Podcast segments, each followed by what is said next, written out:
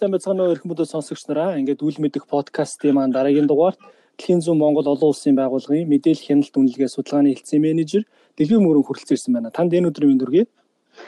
За баярлалаа мөгий. Тэгээд яны өмнө явж үл мэдэх подкастыг сонсдог бүх хүмүүст энэ өдрийн мэндийг хүргье. За баярлалаа. За та бас сонсогчдод маань өөрийгөө товч танилцуулаач.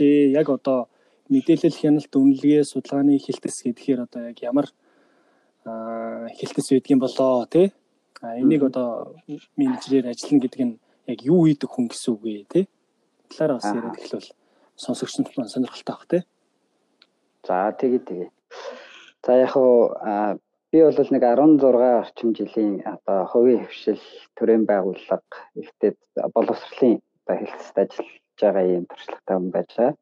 Тэгээд яг одоогоор миний ажиллаж байгаа чиглэл бол хөгжлийн төслүүдийн хяналт үнэлгээ хяналт үнэлгээгээр цуглалсан мэдээллүүдээр яаж дүн шинжилгээ хийх юм бэ?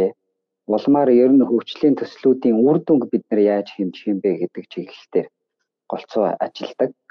Тэгээд хөгжлийн төслүүдээр хэрэгжиж байгаа төсөл хөтөлбөрүүдийн одоо доктортой байдал аа тэгээ үр дүн нь цаашдаа одоо нийгэмд гарч байгаа үр нөлөөг нь бол бид нар илүү их онцолж хэмжих олж одоо яг тодорхой тоо мэдээ баримтуудаар нотлох а эргүүлээд энэ нотолж авсан одоо энэ тоо мэдээллүүдээ бас бид нар дараачийн одоо шин нийгэм тулгадаад асуудлуудыг шийдэхэд одоо шийдэл болгож одоо ашиглаж гаргаж ирэхэд бол нэлээд чиглэж ажилтдаг юм байна.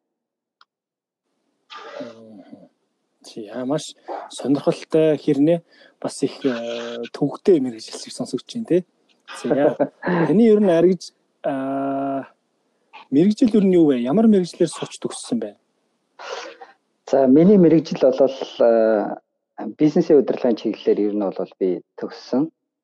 А бизнесийн удирдлагын чиглэлээр бас магистр хамгаалсан. Тэгээд яг мэрэгжил маань үйлдвэрлэлийн менежер гэдэг юм байж байгаа.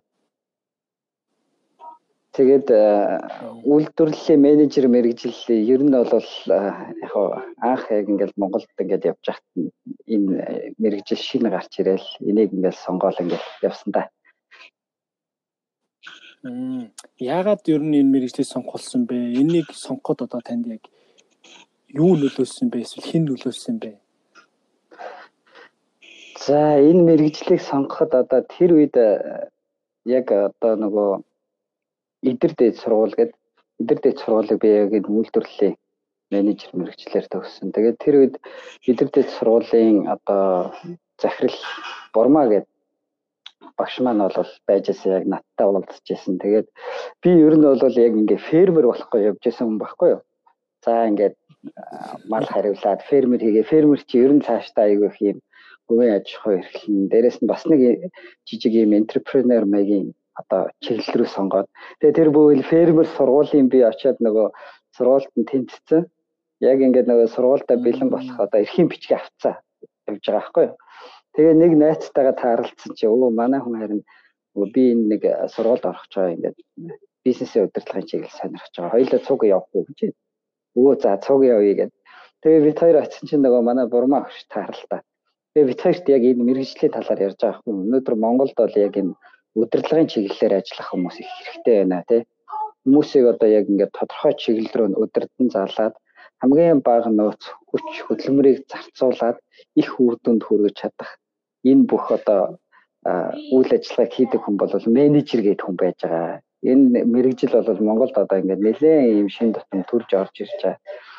Тэгэхээр цаанаас шиг залуучууд бол ийшээ их үзэх хэрэгтэй гэдэг. Тэгээ би ер нь өөр дотроо ч гэсэн бас яг энэ үнтэй ажиллах те хүмүүсийг бас ингээд урамшуулаад ингээд чиглүүлээд тодорхой зорилгын төлөө ингээд сангидах бас ийм тодорхой юм хүсэл эрмэлзэлтэй байсан юм шиг байна. Тийм болохоор би нөгөө нэг фермер мэрэгчлээ орхиод бизнесийн удирдлага руу яваад орцсон байхгүй юу. Тэгээ харамсалтай нь яг тэр үед нөгөө нэг янз бүрийн олон чиглэлийн менежерүүд бол байгаад байсан байхгүй юу. Тэгээд үйлдвэрлэлийн яг манай тэр байсан сургуульд бол яг шинээр нэгдсэн мэрэгжил нь үйлдвэрлэлийн менежер мэрэгжил байсан. Тэгээ яг тэрийг сонгож ороод ингээ явсан. Тэгээд харамсалтай нь яг тэр үед ингээд үйлдвэрлэлийн менежерээр яг ажиллах ер нь бол боломж бас бага байсан. Яг үйлдвэрүүдтэйгүр яг нөгөө үйлдвэрлэлийн менежер гэдэг мэрэгчлээ маань үндсэн ойлголт ач холбогдол нь яг тэр үед бүр тийм бүрэн сайн гарч ирээгүй. Э тийм учраас яг нөгөө бизнесийн удирдлагаар сурсан хүмүүс бол аль ч тал руугаа нэгэн л менежментээр сурж байгаа учраас нөгөө менежерийн чиглэлийн ажлуудыг ингээл хийгээл явсан да. Маш сонирхолтой адармаатай байдлаар мэрэгчлээ сонгож суралцж ирсэн байна тий. За ер нь одоо э, яг саяны ярьсан одоо ажлыг хийхэд тий танд юу нэг ямар санагддаг вэ? Одоо маш их ингээд ийм нарийн нихуур байх тий альва нэг зүйлийг судлах, анализ хийх. За тэн дээрээс яг хэрэгтэй мэдээлэлээ тэндээс түүж авах гэдэг юмыг ажлыг хийж шít тий. За ингэж байгаагийн хувьд ер нь яг энэ ажлыг хийхэд танд ямар санагддаг вэ? Аа маш сонирхолтой ажил шүү дээ. Ер нь бол яагаад гэхээр бид нар одоо ингээд хөгжлийн чиглэлийн төслүүд бол ерөөсөө аа маш олон төслүүд Монголд одоо тий нарчил гараал ингэснээс хойш бол орж ирж хэрэгцээ. Гэхдээ эдгээр төслүүдийн яг ингээд доктортай байдал, иргэдийн аж амжиргааг өөрчилж байгаа байдал А тэгээд эднэрийн яг үр дүнг нь ингээд хэмжинэ гэдэг бол хамгийн чухал зүйл нь байдаг л та. Тэгээ эндээс шалтгаалуулаад яг энэ хөгжлийн төслүүд маань Монгол улсын одоо тий энэ одоо ажиллаж байгаа секторууд дээр үр дүн хэр гарч байгаа юм бэ гэдгийг ингэж олж мэдэх хэрэгцээтэй болдог. Тэгээд мэдээж хэрэг нөгөө маш олон талбарын хүмүүстэй уулзаж ярилцах тэр хүмүүсийн одоо туршлага хандлага мэдлэгээс нь бас ингээд тодорхой хэмжээнд ингэж хуваалцах, ярилцах юм боломж бол гардыг. Тэгээ нөгөө бид нар бол мэдээллийг авахын тулд ерөөсөө л одоо тухайн хүмүүсээс одоо тоон асуулгын янз бүрийн арга ашиглахаас гадна хамгийн гол арга бол тэр хүмүүст яг уламдаад байгаа тэр эрэлт хэрэгцээ тий тэр одоо зүйлүүдийг яг ингээд ярилцаж олж авах ийм боломжууд их гардаг. Тэгээд нөгөө төслийн хэрэгжүүлж байгаа бүхэл талбарууд төрийн байгууллагууд нь өвийн хөвшлэн тий иргэд тэнд хамруулж байгаа хүмүүс нь тэгэл олон нийтийн ингээд төлөөллүүд сайн дурын ажилтнууд гэдэг бүх талбарынхантай бид нар ингээд уулздаг. Тийм учраас тухайн одоо зүйлийг бид нар олон талаас нь ингээд цогцоор нь харах бас юм боломж олгодгоор гоё чиглэлтэй. А мэдээж хэрэг нөгөө бас адармаатай энэ бүх зүйлүүдийг ингээд бид нар сүүлд нь ингээд зангидаад яг өөрчлөлтөн чухамдаа хаана явагдсан бэ гэдгийг гаргаж ирэх их адраматай. Гэхдээ бол би бол сонирхолтой гэж хэлээ шүү. Аа за тэгвэл одоо таны одоо яг энэ сонгож ажиллаж байгаа тий мэрэгжлийн хувьд ямар ур чадваруудыг их шаарддаг вэ? Одоо жишээлбэл ийм ийм ийм одоо ур чадваруудыг яг энэ одоо чиглэлээр ажиллах гэж байгаа мэрэгшиж байгаа хүмүүс бол ийм чадваруудтай байх хэрэгтэй гэдэг шүү зайлшгүй тий. Гэ тэгвэл та яг юуг дурдж хэлэх вэ? За яг уу яг одоо ингээд э, би бол одоо юу гэдэг нь те судалгаа шинжилгээний одоо яг энэ ажиллаж байгаа албан тушаалынхаа хүрээнд биш. А би бол нөгөө бизнесийн удирдлагаар төгссөн. А ийм чиглэлийн. Тийм учраас ер нь сайн менежер байх те одоо ялангуяа байгууллагт менежер хүн бол маш чухал үүрэг гүйцэтгэж штэ бүх хамт олонны одоо шиг хараа тэр хамт олныг хүч хөдөлмөрийг хааш нь зарцуулаад ямар үр дүнд хүрэх вэ гэдэг дээр их оройл гүйцэтгэж байна. Тэр энэ чиглэл дээр нэг хэдийн бодогдсон юм аа. Хамгийн нэгдүгürt бол энэ орчин үеийн менежер хүн бол ерөөсөө тасралт руу суралцагч байхыг шаардж байна. Яг гэхээр маш олон одоо үеийн хүмүүстэй ажиллах бол хэрэгцээ шаардлага гаргадаг тийм. Одоо нөгөө нэг Z үеийнхэнтэй тийм baby boomer-тэй ингээд олон олон өөр одоо үеийн хүмүүстэй бол ажиллах шаардлага тулгарч байна. А дээрэс нь энэ хүмүүстэй ажиллахын тулд бид нар яаж ажиллах вэ гэдэг энэ менежментийн харилцааны ур чадвар дээр байнга суралцах шаардлага гарч байна. А хоёрдугаарт нь бол аа менежер маань маш сайн ингээд одоо өөрийгөө тэлж чаддаг аль ч чиглэл рүү бас ингээд ингээд ховөрч өөрчлөгдөж бас ингээд чаддаг байх юм хэрэгцээ нэлээд байна.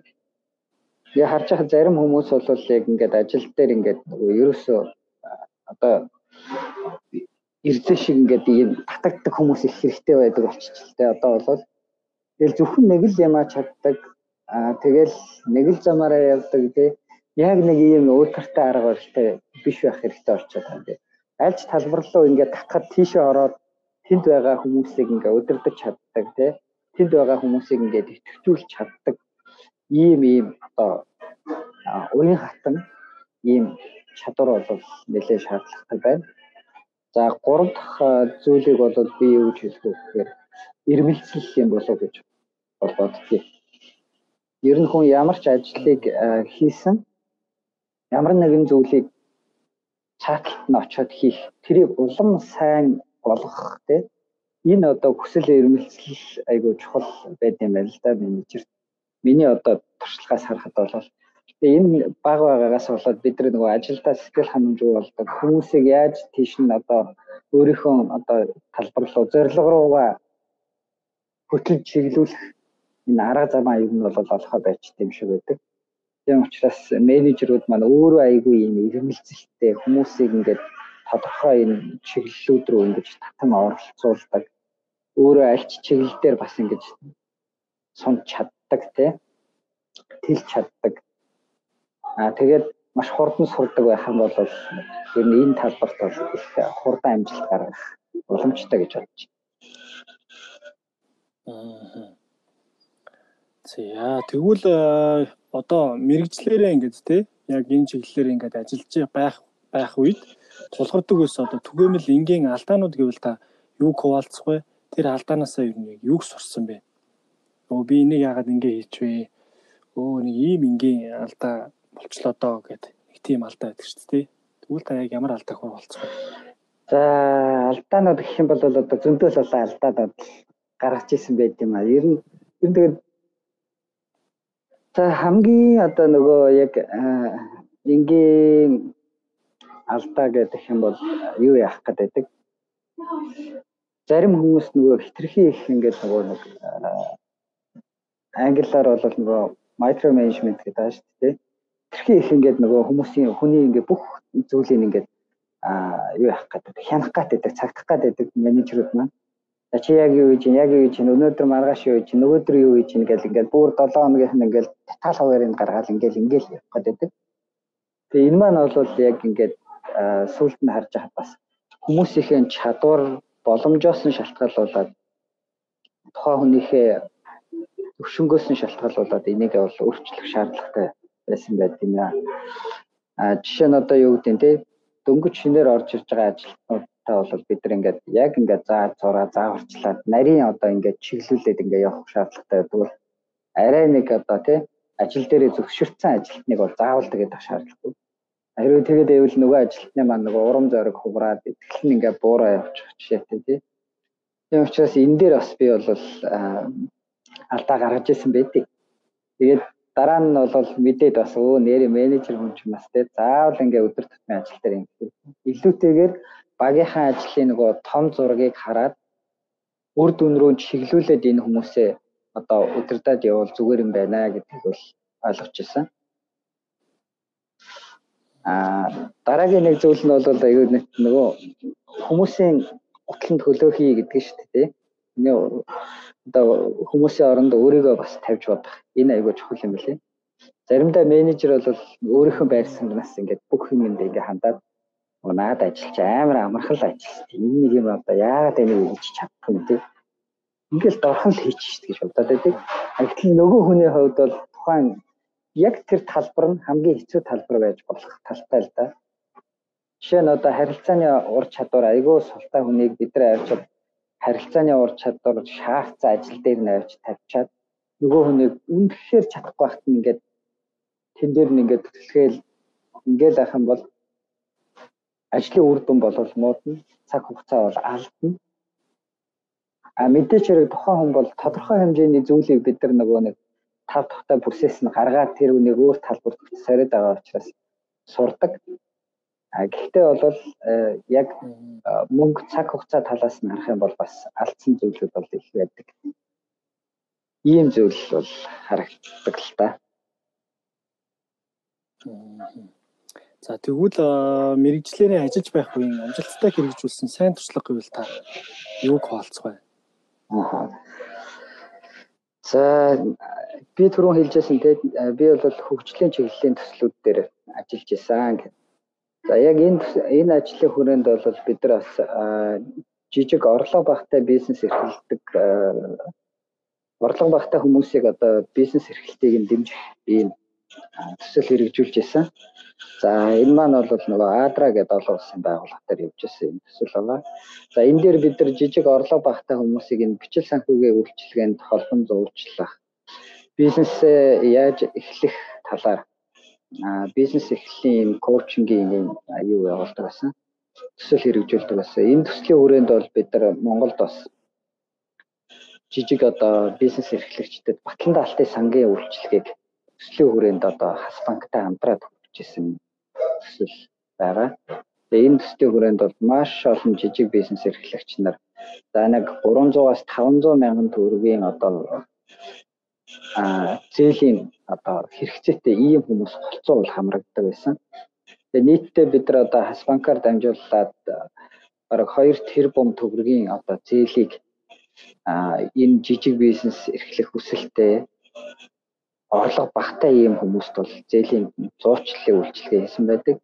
Тэгээ энэ чиглэлээр бол хас банктай бид нар амжилттай ажиллаад зээлийн батлан даалтын сан нь бол бас Монголд нэлээд ингээд явж болох хөлбөр юм байна гэдгийг бол бид нар батлан харуулж исэн. Энэ бол одоо бичил санхүүгийн талбар дээр одоо амжилттай хийж исэн сайн туршлага. За хоёр дахь зүйл нь бол Дэлхийн зүүн гэдэг олон улсын байгууллага маань байгаа. Дэлхийн зүүн байгууллагаас бид нар төгсөлтийн цогц аргачлал гэдэг төслийг а Улаанбаатар хотын 6 дүүрэг дээр бид нар 600 одоо орлого багтай өрхийг хамруулад ингээд хийсэн байж байгаа.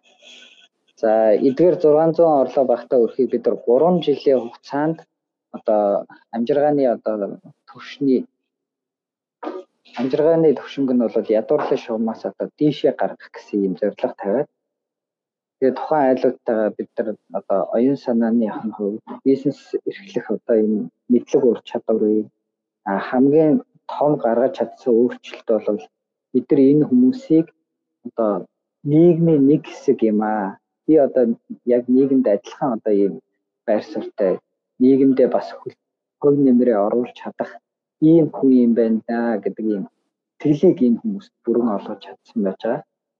Тэгээд дэлхийн зүүн байгууллага хэрэгжүүлдэг энэ хуримтлалын аргачлал байдаг л да. Тэгээд яг энэ хуримтлалаар дамжуулаад бол бид нар яг энэ хүүдэд хамт олонч байдал гэж юу юм бэ тий. Нийгэмдээ та одоо ингээд өөрөө хамт олонцог байснараа ямар нэмрээ оруулах юм А бид нар бас нэгдэж нээснээр ямар амжилт гаргаж болох юм бэ гэдэг дээр олон одоо ийм юунуудыг сайн туршлагуудыг бол хэрэгжүүлсэн. Тэгээд үүний үр дүнд бол яг бид нар яг хадгаламжийн 42 бүлэг байгуулад энэ 600 иргэдийг хамруулад ингээд явсан байдаг. Эндээс бол нэг 20 орчим жижиг бизнесийн үйлдвэрлэлийн бүлгүүд бас үүсээд бизнесээ амжилттай явуулж байгаа ийм туршлага бол байна. За а карьер гэхээр одоо жишээлбэл нийгэмд нэг юм төгөөмөл ойлголт байдаг шүү дээ. Баг цалингаас их цалинд одоо хүрэх эсвэл бага албан тушаалаас өндөр албан тушаалд хүрэх. За эсвэл бүр нөгөө нэг дотоодын компаниас гадаадын компанид ажиллах эсвэл бүр үндэстэн дамж өөр улс оронд ажиллахыг бол одоо карьер хийж гинэ гэж үздэг. А таны хувьд энэ карьер гэдгийг юу гэж ойлгодог вэ? Миний хувьд бол карьерийг одоо тухайн хүний одоо зорилгоос нь тий алсын хараанаас нэг шалтгаалдаг зүйл гэж боддог. Яг тухайн хүн маань өөрийнхөө амьдралын одоо үндсэн одоо үнцэн зарчмуудаа тодорхойлцоод тэр хүн хаана хүрэхийгээ өөрөө тодорхойлсон тэр зорилго бол өөрийнх нь карьер гэж боддог. А тэрнээс хүн болгон болвол заавал яваал одоо нэг компани захиралч юм уу заавал яваал бүр нэг ингээл те компани хамгийн дээд өндөр албан тушаал дээр очих хэвээр ийм албатай бол байхгүй. Тэгэхээр яг өөрийнхөө зорилгыг та хаана тавиад байгаа. Тэгээ одоогийн хийж байгаа ажил алба тий энэ зүйлүүд чинь таны тэр зорилго руу чинь одоо хэр хөтлөн аваачиж байгаа юм тий. Гэдэгтэй бол илүү холбоотой байх гэж боддог.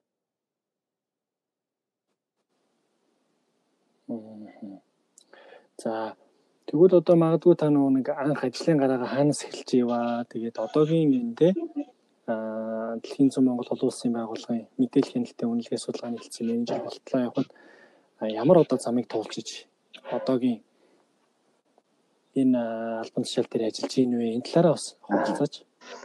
За би ч одоо яг яг компанид ажиллаж эхэлсэн ажлын гараа гэдэг юм бол таван богд хувьцаат компаниас би ажлын гараагаа эхэлсэн байдیں۔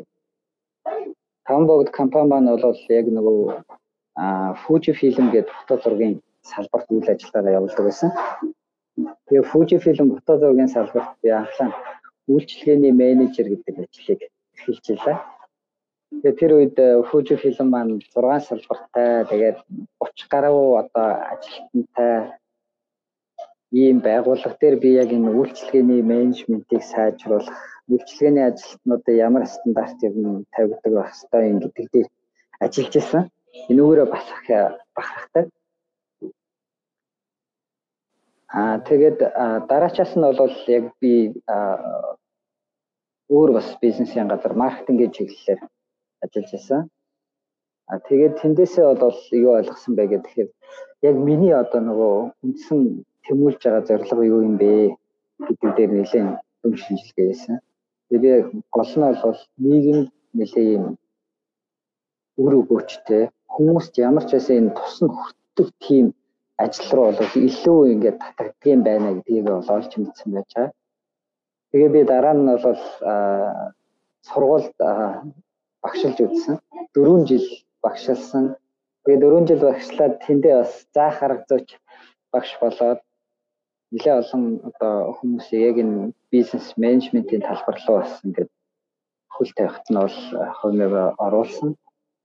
Тэгээ энэ ажил маань яг надаа эргүүлээд ямар одоо ийм хүч өгдөг байсан бэ гэхээр яг энэ хүмүүсийг ингээд бид нар ингээд алхах алхмыг ингээд зөв тавьж гин тий. Яг ингээд Монголд олон ийм менежментийн ур чадвар бүхий хүмүүс гараад ирэх юм бол байгууллага болгонд маш бодиттой хөв нэмэр болж чадах юм байна. Энэ хүмүүсийн ирээдүйд маш зөв ийм үнд суурийг тавьж өгөх ёстой гэсэн ийм бодолтой байсан. За энэний дараачаас бол олон улсын байгууллага руу бол хөл тавьсан. Тэгээ олон улсын байгууллага руу хөл тавьсан маань бас л яг энэ зорилготой манаас үлдчихсэн. Илүү хүмүүст одоо тусдаа зүйл хийе. Өнөөдөр яг Монголд одоо нөгөө авах ёстой боломжоо авч чадахгүй байгаа. За ямарваа нэгэн байдлаар одоо эрхэн хязгаарлагдж байгаа.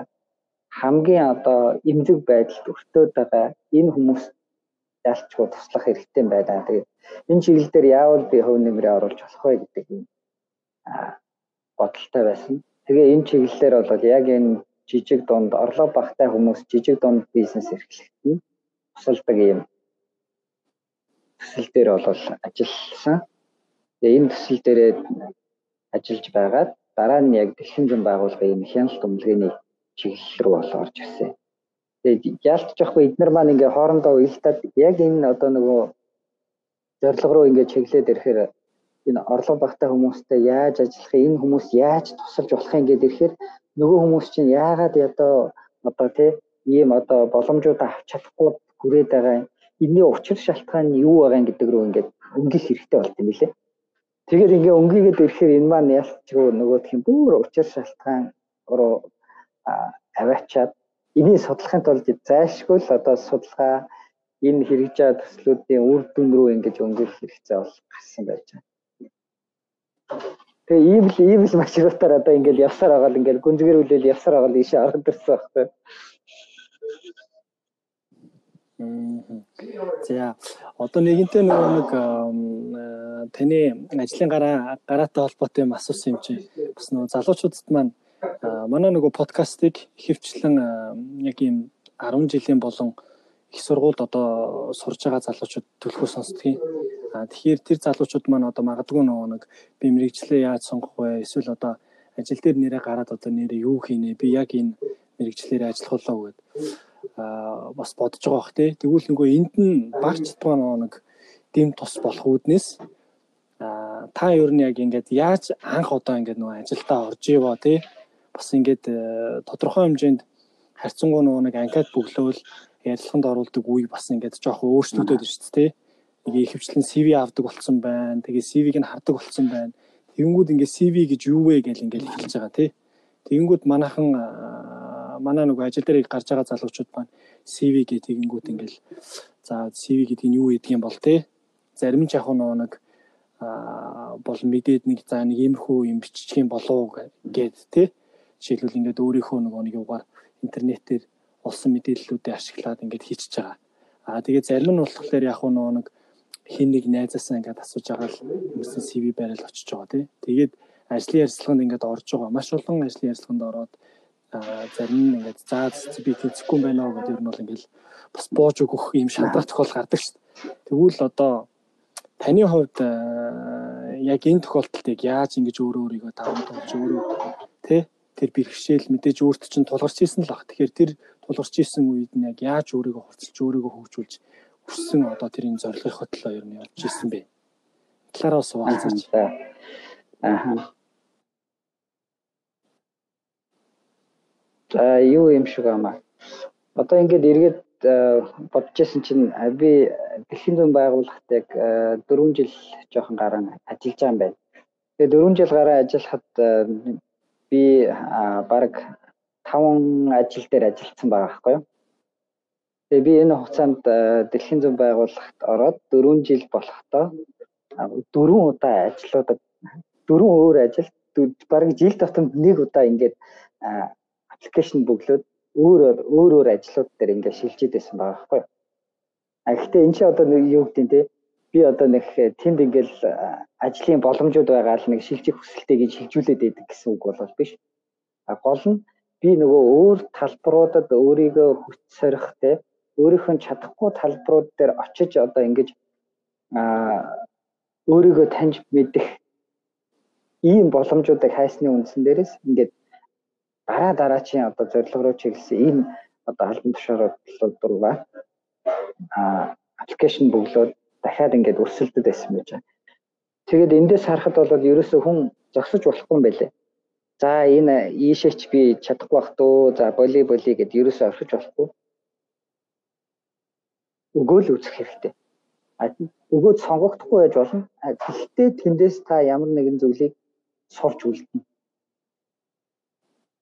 Тийм учраас тухайн аппликейшнаа бол өгөөд өсөлтөөд үзээд байх хэрэгтэй.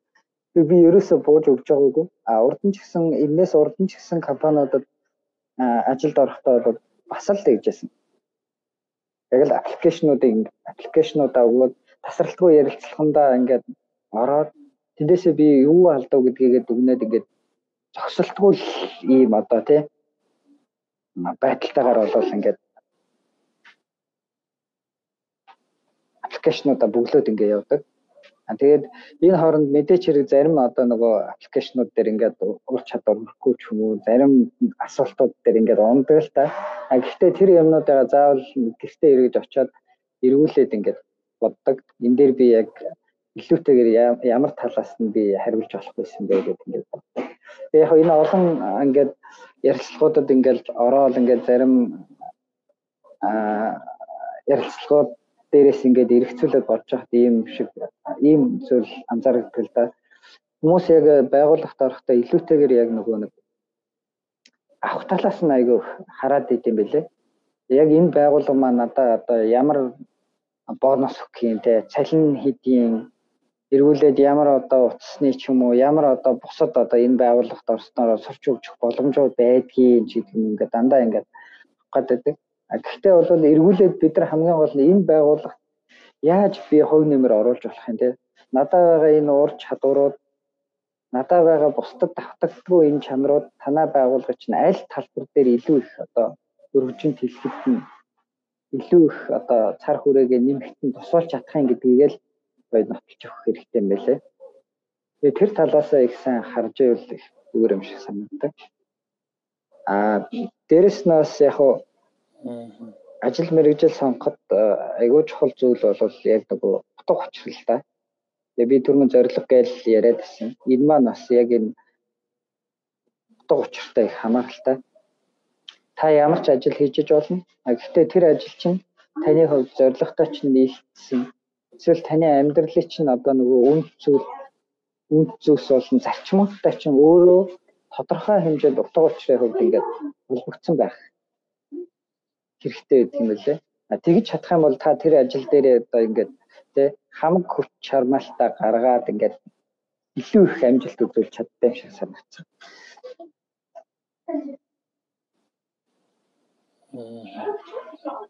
За би э, нөгөө нэг таны талаар сонсч байсан байхгүй юу? Аа хэдэн удаа гэлээ нөгөө нэг аппликейшн бөглөөд тэгээ бүр ингээд нэлээ үзэж үзэж байгаад яг тухайн яг нөгөө ажлын байранд орж исэн гэх тэгэхээр тэр бас нэг ингээд нэг юм бяцхан нөгөө нөгөөтөө тохиолдсон жижиг түүх байгаа даа шүү дээ. Тэр түүхийг та бас ингээд залуучуудад хуваалцвал сонирхолтой байх тий. За тэр ч одоо яг би нөгөө нэг дэлхийн зүүн дотор байжгаад дэлхийн зүүн байгууллага маань бас тодорхой хэмжээний бүтцийн өөрчлөлт орсон. Тэгээ бүтцийн өөрчлөлт ороод яг ингээд ирэхээр бүх одоо нөгөө ажилтнууд маань өөрсдөө бас ингээд нөгөө дараагийнхаа ажлууд руу ингээд хүчлэлтүүд ингээд эхэлсэн л дээ. Ер нь бол за тэгээд яг энэ үед нь бол надад ямар хүсэл байсан бэ гэхээр яг дэлхийн зүүн байгууллага бол хүүхдийн сайн сайхны төлөө ажилладаг байгууллага. А тэгээд миний одоо үнд зүйл дотор ч гэсэн би одоо яг дөрөв хүүхдийн эцэг А тэгээд миний үндсэл дотор ч гэсэн Монголын ирээдүй болсон хүүхдүүд бол сайн сайхан амьдрах хэвээр, аюулгүй орчинд амьдрах хэвээр, бүх төрлийн одоо хүчирхээллээс ангид байх хэвээр гэдэг ийм үзэл бодол ингээд байж исэн. А тэгээ энтэй маань дэлхийн зөнгээ яг нөгөө нэг хүүхдийн сайн сайхны төлөө одоо ингээд ажилдаг энэ одоо зарчим хоёр ингээд аюул сайн нэгдэж өгч ирсэн л да. Энэ хоёр үнэт зүйл. Тийм учраас би яг дэлхийн зөнд үргэлжлүүлээд ажиллах нь миний хувьд бол зөв юм байна гэдэг ийм байр суурин дээр айгүй хатуу зогссон. А тэгээд энэ үед би одоо а ихэн зүнгийн хүний нөөцийн албанаас зарлагдсан бараг бараг одоо бүх албан тушаалууд дээр өрсөлдсөн баха. Ойролцоогоор бараг 10-аад албан тушаал дээр яг ингээд дис дараалаад 2 сарын дотор ингээд завсаргүйгээр ингээд өрсөлдсөн байдаг. Тэгээд би зарлагдаж гарсан дийлэнх албан тушаалууд дээр ингээд яг шалгалтын нөгөө ярилцлаганд нь ороод ингээ явдсан. Сүүлдээ бүр ингээ зарим хүмүүс бол бүр ингээ гайхацсан байсан. Энэ одоо ямар хайшаа солиотой нөхөр үү те. Ингээл нэг юм зарлах хаарлан ингээ дахиад ороод байдаг. Өөрт нь ер нь ямар хамаатай ингээ те. Аюу юм гайшилт төвчсэн. Тэгээ заримдаа бүр ингээ бидэртээ ингээ дотор байсан хүмүүс үргэлж нөгөө шалгалт руу ингээл яваад орохоор ингээд бие сууж идэг. Тэгээ өөр нөгөө Өчи өчи яах гэдэг.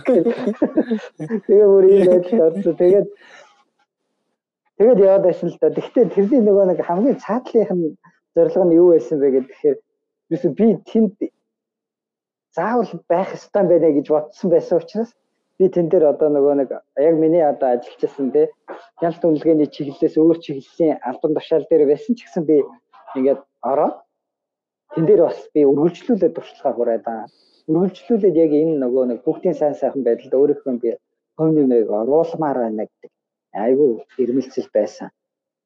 Тэгээ яг энэнийхээ дагуу би авсаар байгаа. Аппликейшн бөглөөд ярилцлаганд орсоор байгаа.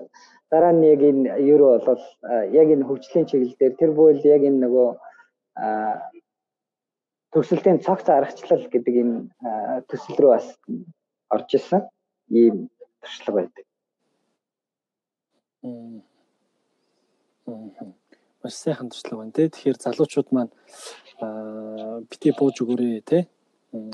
Одоо өнөөдөр хэрвээ чамайг хэрвээ үгүй чамайг өнөөдөр авахгүй гэдэг чивэл битээ сэтгэлээр унаарай. Дараагийн боломж үе таалга мэдээж бэлэн байж байгаа. Харин илүү сайхан үе таалгалууд өөрсдөө чинь нөгөө нэг чиглүүлэх үүднээс магадгүй өнөөдөр нөө гэж хэлсэн байж магадгүй. Тэгэхээр бити бууж өгөөрэй гэж хэлмээр байна.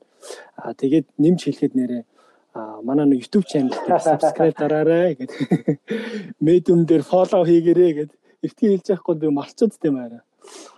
За тэгээд энэ чиглэлээр одоо магадгүй нөгөө нэг сурах гэж байгаа тий одоо менежер чиглэлээр тий менежментийн чиглэлээр одоо сурах гэж байгаа залуучуудад та хандаж ямар зөвлөгөө өгөх вэ? Ер нь энэ дээрээ нэг ингээд анхаарал бас бодолцоод явбал ер нь их зүгээр биш үү? Тэгэхгүй бол яг энэ юм чинь ингээ нэг амьдрал дээр яг өөрт чинь донг тулгараад идэх асуудал бас байгаад дээ шүү. Тэгэхээр ганцхан энэ дээр л анхаарчвал би та нарт асуудалгүй ер нь бол гайгүй шүү гэж хэлвэл та юу зөвлөх вэ?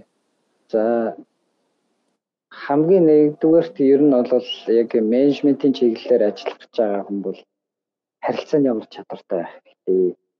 Ямар ч хүмүүстэй бас ингээд ярилцаад ойлголцдог тэр хүмүүсийн орондоос өөрийгөө тавьж чаддаг тий аливаа асуудлыг олон өнцгөөс нь бас хардаг сүлжээ болгох бий болгох юм чадвартай байх хэрэгтэй юм байлээ. Тэгээ энэ ур чадвар бол ерөөсөө менежер хүнгийн хамгийн үндсэн одоо чухал ур чадвар байж байгаа. Аа үүний дараа бол хүнийг ойлгох ур чадвар бас их хэрэгтэй юм байлээ. Бид нар заримдаа яг хитрхи өөрийнхөө талаас аливаа зүйлд ингээ хандаад хүн болгон өөр өөрийн гэсэн бас харах өнцгтэй хүн болгон өөр өөрийн гэсэн линзтэй гэдгийг бол мартчихад байдаг. А үүний дараа гурав дахь ур чадвар бол яалтж яахгүй менежер хүн бол бусдад нөлөөлөх ур чадвартай байх хэрэгтэй. Та одоо юу гэдгийг те за бүгдээрээ гараад ингээ хоолнд бүгдээрээ өнөөдөр хамт орцгоё найз нөхдөөрөө яваад ингээд баасан баасан ахын төрсөн өдрийг тэмдэглэх гэж байна гэдэг. Танаа найзууд бүгдөө ингээд сэгсэгээл чааг дагаал ингээд тах гэж босч идэг бол чи бас тэнд нөхлөх чадвар байгаад байгаа байхгүй тий. А ингээд нэг альва ингээд хорл уулзалт юу гэдэг зөвлөгөө янз бүрийн зүйлүүд дээр яг ингээд чамааг ингээд үг хэлж хахад тэрийг ингээд анхааралтай таслахгүйгээр ингээд мас сонсч ивэл чамд ямар нэгэн нөлөөлөх чадвар тэнд байгаа байхгүй. Тэгэхээр яг энэ одоо нөгөө нэг нууцлаг энэ нөлөөлөх хүчтэй одоо албан бос манлайлагч гэж бол бид нар их яа. Энэ чадварыг аягүй сайн эзэмших хэрэгтэй юм байлээ. Зарим хүмүүс бол яг нөгөө энэ албан бос манлайлалын чадвар байдаг мөртлөө яг менежментийн талбар дээр гарч ирэхээр нөгөөдгөө ингэ ашигладаг. А зарим улсууд маань зөвхөн албан тушаалаараа далайлгаад би менежер юм чи та нар наваа сонсчээ гэж дээрэс нь ингээд араад идэг. Балбаад идэг тий. Тэгэхээр яг энэ хоёрын одоо дундах тэр нөлөөлөх хүчийг бол аягүй сайн эзэмших хэрэгтэй юм шүү. Ялангуяа нөгөө хүний зүрхэнд нь нөлөөлж чадах юм бол тэ дараа нь бас аль ч талбар дээр тоо хүнтэйгээ хамтарч ажиллах болох юм нөлөөлөсдөг. Аа тэгээд хамгийн эцэст нь бол мэдээч хэрэг яг менежерүүд маань нөгөө өөрийгөө таниад тэ өөрийнхөө яг үнцэн тэр зарчмуудаа яг олох нь бол айгүй чухал баха. Тэгээ яг менежер хүн би менежер болсныхоо тулд бизнесийн удирдлагын чиглэлээр одоо суралцж байгаагийн тулд яг ямар одоо зүйлийг хийх гээд байгаа юм те. Энэ одоо Монгол орондоо ямар хувь нэмрийг авчрах гээд байгаа юм гэдэг ийм өөр алсын юм бас гоё зорилгоо бас тодорхойлсон байвал зүгээр юм шиг гэдэг.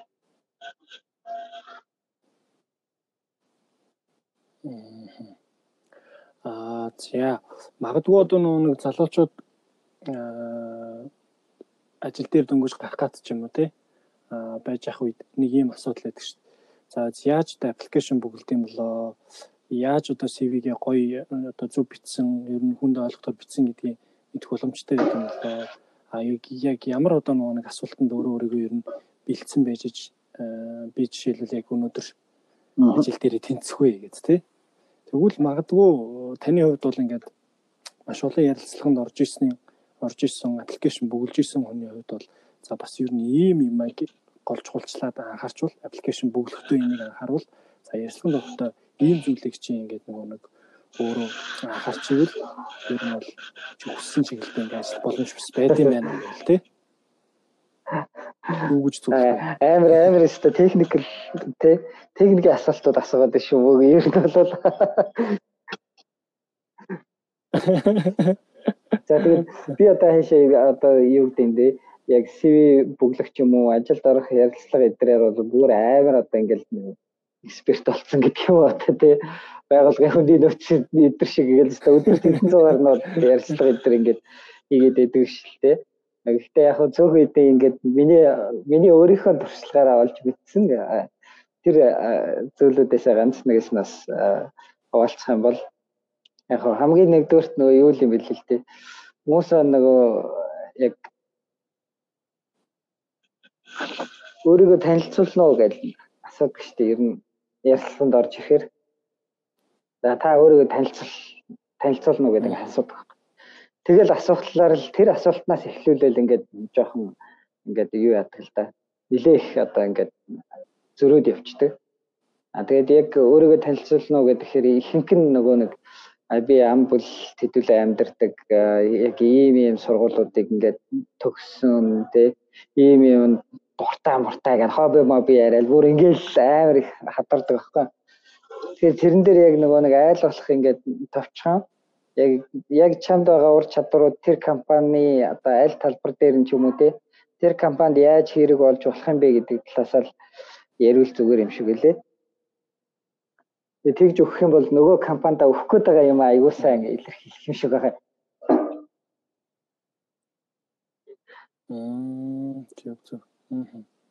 А нөгөө талаас нөгөө нэг CV-н дээр гарч байгаа айгүй CV-нд ярилцсан дотор байдаг энэ асуулт юмнуудыг ер нь найзтайгаа ч юм уу тий эсвэл одоо өөрөө өөртөөгөө ингээд нэг цаг гаргаж агаад энэ зүйлүүдэд яг ингээд нэг ийм жишээ ийм асуултуудад хариулаад үзэх хэрэгтэй юм билээ.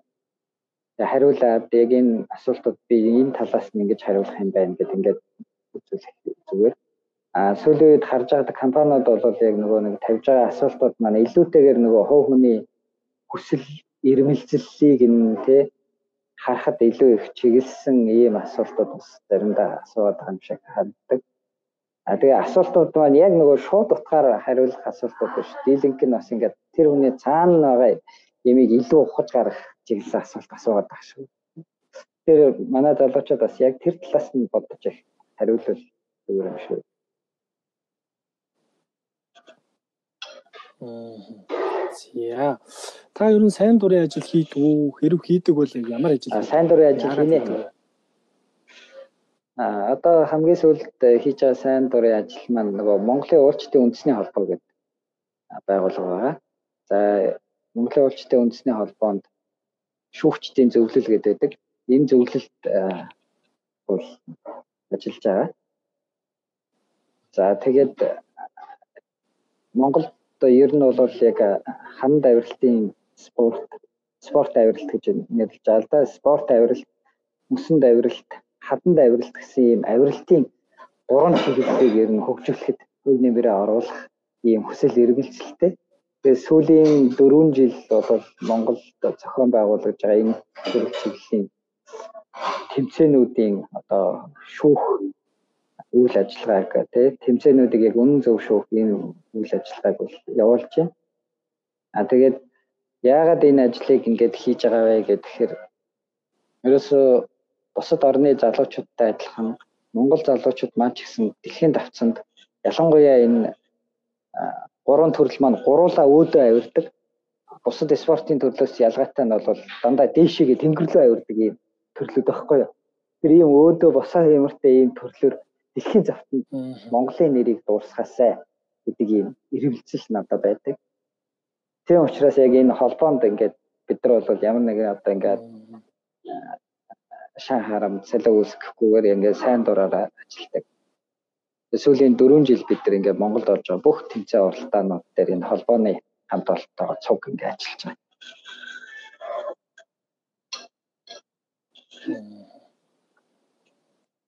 Яа маш сайхан. Сонирхолтой сайн дурын ажил байна.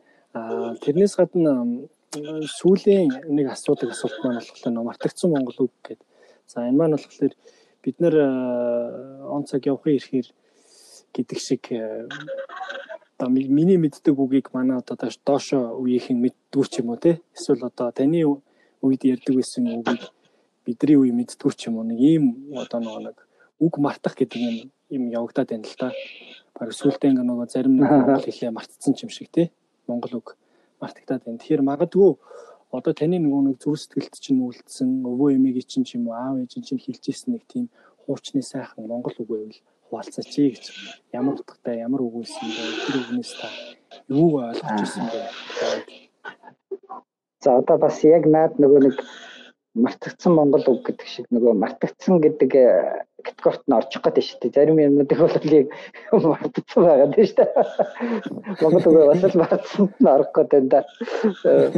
За яг ингээд бодож яхад яг нэг ийм үг л орж ирээд байна л да нөгөө багахад яг имээ өвөнөр айгу хилдэг тий. Үгүй чи одоо ямар хаашаа юм дампуу юм бэ гээл тий За миний хүү ер нь бол чи нэг юм дампуу хүн болж болохгүй шүү гэл. Ийм дампуу хүн битээ болоораа л гэдэг тэгсэн баггүй. Тэгээ би бол тэрийг нэг сайн ойлгодгоо тий дампуу мампуу гэж юу яриад гэдэг. Тампуу мампуу гэдэг чинь нөгөө шуудаа монтаж гэдэг юу яагаад юу гэдэг байгаа тэр болоо гэл ингээл тий. Яг учраас энийг ингээ сайн яадаг байсан. Тэгээд дараа нь ер нь ингээд бодож байхад яг ингээд нөгөө илүүтэйгээр ингээд өөрийгөө ингээд олцсон тий альваад бас ингээд сүртэй а зөв одоо ялангуяа одоо нөгөө өөрийнхөө одоо санхүү хэрэгцээгээ яг ингээд зөв барьж өдөртөж явдаг тийм хүн байгаарай гэдэг талаас нь хэлсэн юм шиг санагддаг. Тэгээд яг нөгөө Дампуу дампуу гэдэг үгийг мөг мэдэж байна уу? Тэгээ дампуу гэхэлэр бол ойлгож байна. Ер нь нэг бүтэхгүй бүтэхгүй л хүн шүү. гэсэн байдлаар эхлээд төс тээ. Ер нь энэ их дампуу нөхрөө гэх гот за за энэ бол ер нь бүтэхгүй л хүн байна тээ гэдэг ойлгож байна. Бизнесийн байгууллагууд дампуу урах гэдэг хэрэглээд байгаа шүү дээ тээ. Тий, дампуурах гэдэг тэгэхээр чинь тэгэл ойлгомжтой л дөө. Компани тэгээ байхгүй болж байна л гэсэн үг. Тэгсэн чинь нөгөө нэг дампуурах гэдэг байгаа маань юу юм бэ штэ. Одоогор бол яг нөгөө нэг монголоор ламбардыг дампуу гэдэг юм байна л да. Версалын дэлгүүлэх үйлчлэгийг тий. Энэ бол аль хэдийн бидний одоо нөгөө нэг тий энэ хэрэглэнээс ингээ гараа явцсан ламбард гэдэг ингээд явцсан. Гэхдээ яг энэ бол өөрөө нөгөө дампуу гэдэг маань ямар нэг юм ингээ барьцаалж ингэж юу яахыг хэлж байгаа юм байна лээ. Тэгэхээр нөгөө нэг дампуу хүн гэхээр ингээ өөр ширэндээ баригдсан те ингээ хамаг юм ингээ тавьчихсан ч байт юм те. Ийм хүнийг хэлж байгаа хгүй. Тэр хүн чинь тэгэхээр л одоо бодлогогүй те. А болоогүй л хүн байна л гэсэн үг л те. Тэгэхээр тэгэл би сүлд нас бодож байсан. Тэгээд нэрээ дампуу гэдэг чи ийм юм байна. Тэгээд дампуу хүн битээ болоорой гэдэг чинь юмаа зөв одоо бас зохицуулж чаддаг бодлоготой ийм хүн юм байна. Тэгээд ийм л үгийг бас хэлье.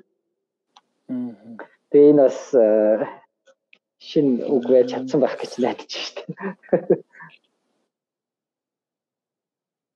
Мм тийм байна. Ерөөсөө тэр утгаас нь байгаа юм байна. Дээр бас нэг э, манай нэг зочин болцож явах нэг авилга гэдэг үг хэлж ирсэн юм авилга гэсэн чинь нөгөө нэг өмнө одоо яг нөгөө Чингис хааны үед хэрэгжилж ирсэнээр бол а одоо ингээд нөгөө нэг тухайн нэг газрыг эзлээд авлаа гэхэд тэр ингээд нөгөө нэг олсон бүхий төрөнгийг хүмүүс нөгөө хуваарлж ингэж нөгөө нэг үхийг авилга гэдэг байсан юм байна л та. Тэгээд улан авлах хэсэг түгээх гэдэг утгаар хэрэглэгддэг байсан юм бэл. Тэгээд одоо яагаад ч он цагийн ирэхээр ингээд өөрчлөгдсөн юм бэл л дээ. Авилга гэхээр буруу зүйл гэдэг ойлголттой л болцсон юм байна гэдэг. Тэгээд тэрийг сонсч бас би их гайхаж ирсэн. Тэгээд саяны зүйл бас нэрэл тийм биш шүү. Тийм байна. За тэгээд а өнөөдрийн дугаарт цаг цаа гаргаж оролцсон явдалд маш их баярлалаа. За манай өнөөдрийн дугаарт Дэлхийн зүүн Монгол олон улсын байгууллагын мэдээлэл хяналт үнэлгээ судалгааны хэлтсийн менежер Дэлгэр мөрөө оролцлоо. Таны цаашдын ажилд нь өндрөөс өндөр амжилтыг хүсье ёо. Маш олон хөгжлийн төслүүдийг бас ажиллаж судалгаа шинжилгээг гаргаж биднэрт бас гой гой мэдээллүүд дутхгүй нийгэмд төгж ирэх байхаа гэж найдаж байна. Тэгээд энэ хөгжлийн ажилд нь баярлалаа мөгээ. Хэмжилтийг хүсье. Тэгээд яг магадгүй одоо нэг нэг дуусах төгссөн л байгаа хэл та. Гэхдээ би бас нэг юм асуумаар санагдаа. Чамаас чамаас асуумаар санагдахгүй юу? Аа за. Тийм. Тэгээд нөгөө үл мэдэх дандаа асуугаад байгаа биш. Үл мэдэхээс нэг юм асууж маа санагдахгүй юу? Мэдхгүйг мэдээд байгаа л да. Тэгтэл асууд юм уу? Аа зөв мэдээсэн. тий үл мэдэх гэдэг байгаа юм чи одоо мэдгүй мэдээд байгаа. Тэгтээ асуучаа. Би бас аа чамаагаас хөгжлийн төслүүдээр ажиллаж исэн бизнесийн яг стартапын чиглэлийн төслүүдээр ажиллаж исэн тий ийм залуу гэдгийг бол мэднэ. А тэгээд чиний хувьд ер нь одоо Монголд байгаа хөгжлийн төслүүд төслүүдийг ингээд харахад тийм ээ ер нь аль талбар нь жоохон таарахын санагддаг вэ? Аа бид нар ер нь цаашдаа хөгжлийн төслүүдийг яаж одоо ямар төрлийн хөгжлийн төслүүдийг хийвэл илүү зүгээр гэж чи боддог вэ гэдэг.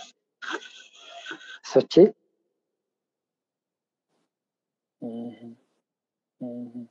За баярлалаа. Надаас ингээд ерөөсөө зочд маань хариулцлээсэн болохоос асууж ийсэнгүү гэд. Тэг сонин тохиолдол байна. За яг оо миний хувьд бол илүү нөгөө нэг оюун санаа буюу тэр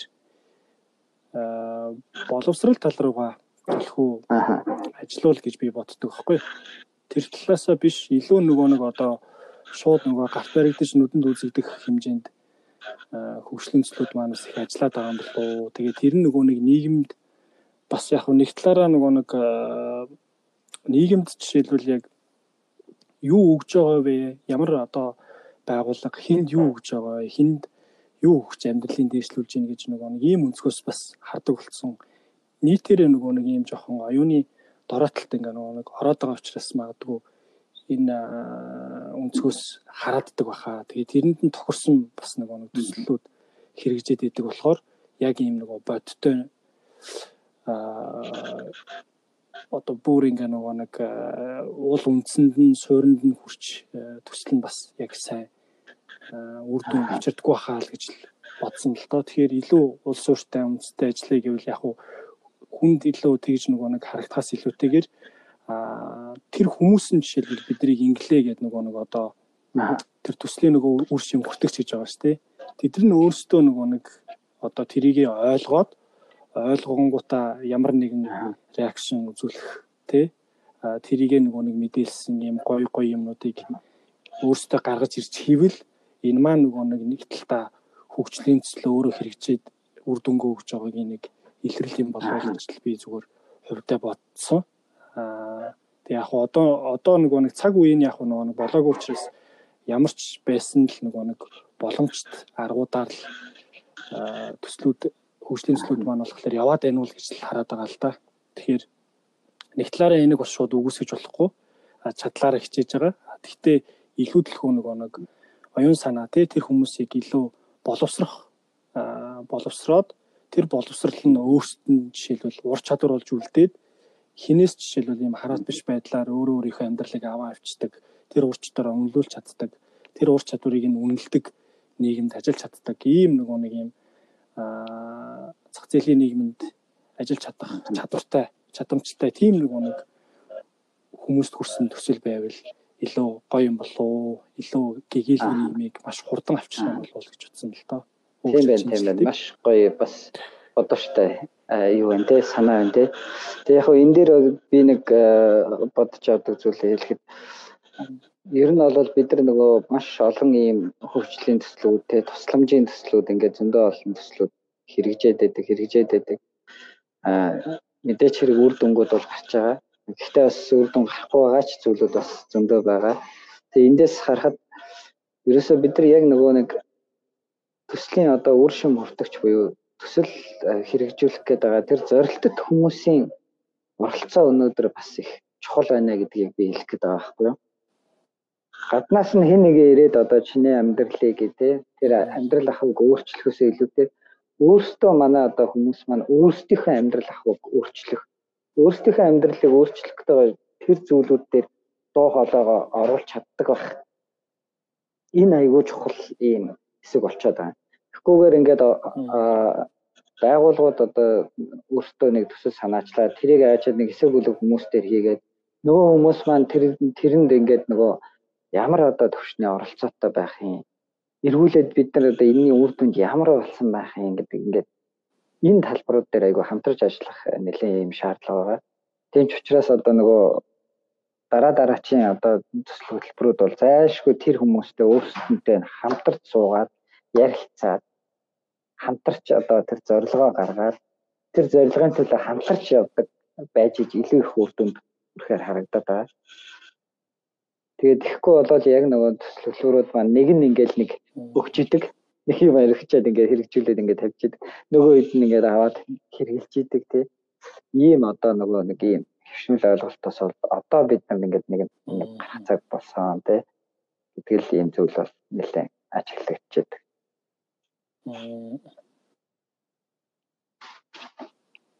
За тэгээд маш их баярлалаа. Аа өнөөдрийн дугаарт маань за дахиад сонсогч нартай танил хэлцгээе гэдэг Дэлхийн зүүн Монгол улс улсын байгууллагын мэдээлэл хяналт үнэлгээний судалгааны хэлтсийн менежер Дэлгэр мөрөн оролцлоо. Тэгээд очиж сая өрөөтэй подкастын маань өнөөдрийн дугаар үүгээр өндөрлж байна. Тэгээд бүгдээрэнд нь дахиад сануулад хэлэхэд subscribe YouTube channel маань subscribe дараарай. А Medium маань Medium сувгийн маань follow хийгээрэй. Тэгээд бүгдээрэнд За баярлалаа мөгөд. Маш их баярлалаа. Тэгээд э, үл мэдэх подкастыг сонсож байгаа бүх хүмүүстээ өдөрөнд нь баярлалаа гэж хэлье. Өдрийг сайхан өнгөрөөрэй.